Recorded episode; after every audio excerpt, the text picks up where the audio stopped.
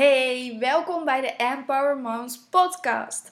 Allereerst wil ik jullie enorm bedanken voor de super lieve reacties op mijn podcast van vorige week, waarin ik mijn bevallingsverhaal deelde. Ik vond het heel erg spannend om dit met jullie te delen, moet ik zeggen. Ik heb nog nooit eerder zo'n persoonlijke podcast opgenomen. Maar ik heb heel veel reacties ontvangen, heel veel positieve reacties, heel veel mensen voor wie het herkenbaar was. En ze het fijn vonden dat ik ook mijn verhaal deed. Want ik heb de afgelopen jaren natuurlijk heel veel bevallingsverhalen gehoord van vrouwen. Maar ik heb nooit eerder zelf mijn verhaal gedeeld. Ja, wel zo één op één wel eens, maar nooit in, uh, in het openbaar. Dus dat was echt uh, voor mij heel erg spannend. Ik vond het echt super leuk om jullie reacties te lezen. En het grootste gedeelte was ook positief. Ik heb ook een paar haatreacties gehad. Die uh, zitten er ook altijd bij. En ik heb inmiddels geleerd om daar, uh, ja, om daar niet te veel aandacht aan te besteden en die gewoon uh, te deleten. En dat is ook meteen waar deze podcast over gaat. Vaak zijn we geneigd om ons te focussen op de negatieve dingen, op de dingen die niet goed gaan. En in het begin had ik hier ook last van. Hè? Ik heb eigenlijk al vanaf dat ik mijn bedrijf startte, krijg ik best wel wat reacties ja, er zitten altijd negatieve reacties tussen. In het begin raakte ik daar enorm door van slag. Toen dacht ik van, oh nee, ik moet gewoon stoppen met mijn bedrijf. Nee, dit is helemaal geen goed idee. Zie je wel, het gaat gewoon niet goed. Ik pak het gewoon helemaal verkeerd aan. Maar inmiddels weet ik dat die paar negatieve reacties, dat zegt eigenlijk niks over mij, maar dat zegt alles over degene die die reactie plaatst. En ik heb op een aantal reacties heb ik ook een, uh, een berichtje teruggestuurd. En daar kreeg ik dan ook weer reacties op. Dan stuurden ze meestal ook wat terug. Daaruit bleek ook dat die reacties, die negatieve reacties, kwamen doordat ze zelf getriggerd werden door mijn verhaal. Doordat ze zelf iets negatiefs rondom hun eigen bevalling hebben meegemaakt. Dus alles wat ze dan lezen hè, of horen rondom dit onderwerp, dat triggert hun. En daar komen heel veel negatieve emoties uh, naar boven. Dus inmiddels weet ik dat en kan ik dat ook goed naast me neerleggen. Maar zo is het ook in het dagelijks leven. Hè? Dat wil ik je ook even meegeven. Want in het dagelijks leven zijn we vaak ook gefocust op de dingen die niet zo goed gaan. Op de dingen die niet zo goed lopen. En dat kan er dus voor zorgen dat je dus niet lekker in je vel zit. En dat je denkt van nou ik doe het allemaal niet goed. En bij anderen gaat het veel beter. En dat je je daardoor eigenlijk niet echt focust op de dingen die wel goed gaan. Want ga maar eens na. Op welke dingen ben jij trots? Welke dingen gaan wel goed? Waar ben jij tevreden over? Schrijf dat eens op, zodat je een overzichtje krijgt van wat er eigenlijk wel goed gaat in je leven. Ik zal ook even een voorbeeld van mij delen. Deze week is mijn man weer vertrokken uh, naar zijn werk. Hij is weer twee weken op een schip. Dus in deze twee weken sta ik er ook weer alleen voor. En ik zie daar altijd heel erg tegen op. Ik vind dat echt niet leuk. Ik zou heel graag willen dat hij een normale baan zou hebben waarbij hij gewoon s'avonds thuis is. Want dat maakt het allemaal zoveel makkelijker. Maar dat is niet zo en dit is de realiteit en daar moeten we mee dealen. En nu is hij dus al een paar dagen weg.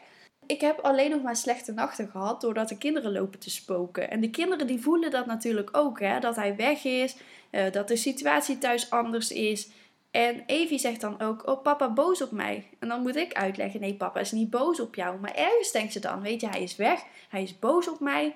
En dan voelt ze zich heel erg rot, dus dan gaat ze spoken. En dan wil ze extra aandacht van mij, is ze wat huileriger.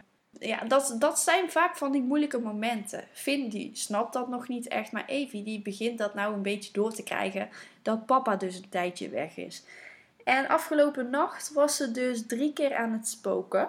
Ik ben er drie keer eh, uit geweest uit mijn bed. En ik heb haar een paar keer water gegeven. Ik heb even met haar geknuffeld, even gerustgesteld. Ochtends bleek dat Evie dus ook in haar bed had geplast. Dus dat was meteen van, oh jeetje, nu moet ik je helemaal schoonmaken. Uh, ik moet je bed weer opnieuw opdekken. En Finn was ook al een kwart over zes wakker. Dus het was een heel kort nachtje. Dan ben je zo moe dat je eigenlijk vanzelf in zo'n negatieve cirkel komt. Maar als jij zo dus je dag start met al deze dingen, hè, met dat je al slecht geslapen hebt, dat je al drie keer wakker bent geweest, je kind heeft in bed geplast, weet je, dan ben je er al gewoon klaar mee voordat de dag überhaupt is gestart. Dus ik heb mezelf herpakt en daardoor kon ik de dag ook veel beter aan. Ik dacht van, wil ik de dag op deze manier starten? Of wil ik de dag juist positief starten? Heb ik er zin in? Laat ik de dag afhangen van hoe mijn nacht was. Of ga ik hier iets mee doen? En ik weet dat 99% van de mensen dit soort dagen wel eens heeft. Dat is ook heel erg normaal. Maar je kunt jezelf dan wel in de put gaan praten doordat je denkt dat het bij anderen beter gaat. Maar je ziet niet alles wat er bij anderen speelt. Je krijgt ook niet altijd alles mee. Vaak krijg je ook alleen maar de positieve dingen mee als je bijvoorbeeld kijkt op social media. En het, het gras bij de buren lijkt ook altijd groener, hè? Maar is dat wel zo? Is het gras bij de buren wel groener? Want jij kijkt er vanaf een afstandje naar. En vanaf een afstandje lijkt gras vaak veel groener. Ziet het er veel mooier uit. En als jij op je eigen gras staat, dan zie jij al die kale plekken. Dan zie je al dat mos en al die hopen. Dan ziet het er niet zo mooi uit. Dat komt doordat jij er niet met een afstandje naar kijkt, maar doordat jij er te dicht op staat. En zo is het dus ook in het leven. Hè? Doordat jij zo dicht op jouw situatie zit, zie jij dus al dat mos, zie jij al die kale plekken. En kijk jij vanaf een afstandje naar anderen, waardoor het gras dus inderdaad bij hun groener lijkt. Terwijl het niet zo is. Want zij ervaren dus precies hetzelfde. Hè? Zij zitten dus in hun eigen gras. Zij zitten op hun eigen gras en zien hetzelfde bij hunzelf als wat jij bij jou ziet. Ik wil je dit dus meegeven: hè? dat we vaak heel erg gefocust zijn op de dingen die niet goed gaan. En dat we het anders zouden willen. Maar ook dat wij niet de acties ondernemen die nodig zijn om het anders te willen. Het lijkt allemaal zo makkelijk bij anderen. Maar ben jij bereid om de acties te ondernemen die nodig zijn om de dingen echt te gaan veranderen. Want daarin zit het verschil. Hè? Je kunt het wel willen, maar als jij niks anders dan anders gaat doen, dan krijg jij wat je altijd al hetzelfde hebt gedaan. Dan gebeurt er niks, dan verandert er niks. Dus het is aan jou om die stap te gaan zetten. Het is aan jou om te kijken wat wil ik nou veranderen? Hoe ga ik dat aanpakken? En op wat voor manier kan ik dat dan realiseren? Hoe ziet jouw droomleven eruit? Daar ben ik oprecht heel erg benieuwd naar. Wat zou jij heel graag willen? Hoe ziet jouw droomleven eruit als moeder? Als jij later terugkijkt, als je 70, 80 bent, op deze periode, ben je dan tevreden met hoe het nu is geweest? En als je niet helemaal tevreden bent, wat zou je dan willen veranderen? En wat houdt jou tegen om het te gaan veranderen? Want tijd is geen excuus. Geld is geen excuus.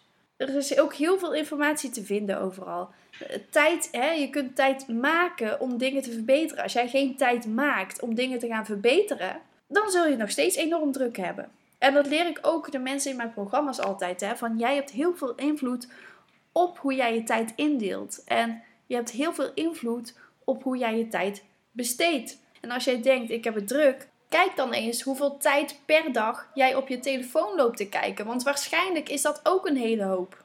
Dus weet dat jij zelf dingen kunt gaan veranderen, maar je moet het wel zelf gaan doen. Weet dat jij zelf gewoon verantwoordelijk bent voor wat er op dit moment in jouw leven speelt en dat alleen jij er ook iets aan kunt veranderen. Als jij niet de stap zet om de actie te ondernemen, dan zal er niks gaan veranderen en zal jouw leven gewoon hetzelfde blijven.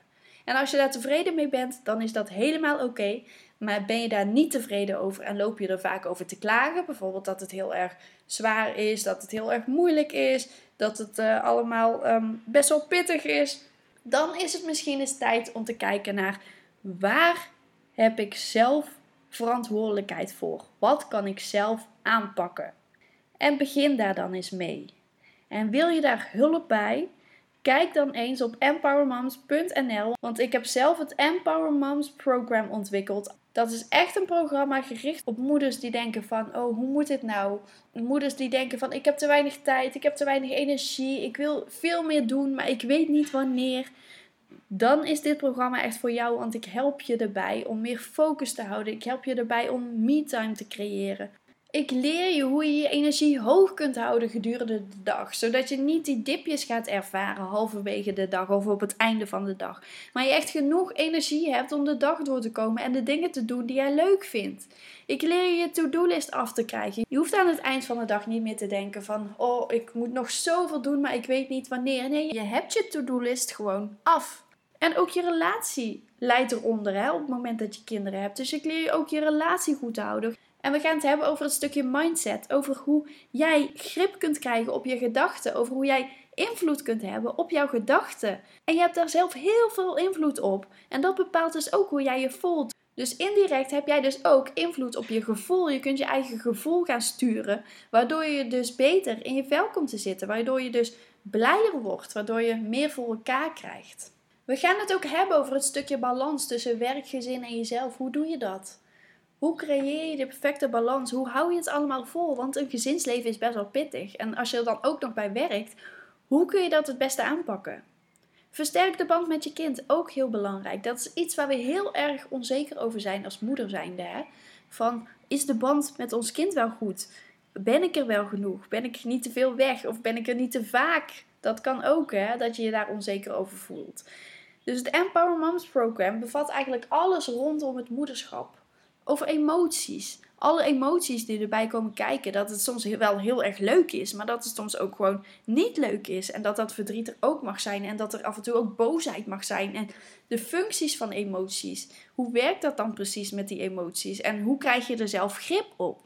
Dus mocht je het leuk vinden om hier meer over te weten, want ik heb twee versies van het Empower Moms program. Het ene is de basisvariant waarin je 10 online modules gewoon helemaal zelf doorloopt. En de andere versie is de VIP variant en daarin begeleid ik je drie maanden lang. Dus je krijgt drie één op één sessies met mij. Je krijgt ook uh, onbeperkt contact met mij tussendoor. Daarin kan ik je heel goed begeleiden, ook op de momenten als je het zelf even niet meer weet. En stuur me dan gewoon een berichtje en dan help ik je daarbij. Denk je nu, yes, dit wil ik? Kijk dan even op empowermoms.nl.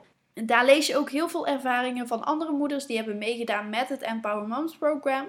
Ik hoop dat ik je met deze podcast heb kunnen inspireren om zelf aan de slag te gaan. Want jij hebt veel meer invloed dan je nu misschien denkt. En als jij zelf dus begint met stappen zetten, met kijken waar ben ik niet tevreden over en hier daadwerkelijk iets aan te veranderen, dan weet ik zeker dat jij straks een veel meer ontspannen en veel meer energieke moeder zult worden. Ik wil je heel erg bedanken voor het luisteren en tot volgende week.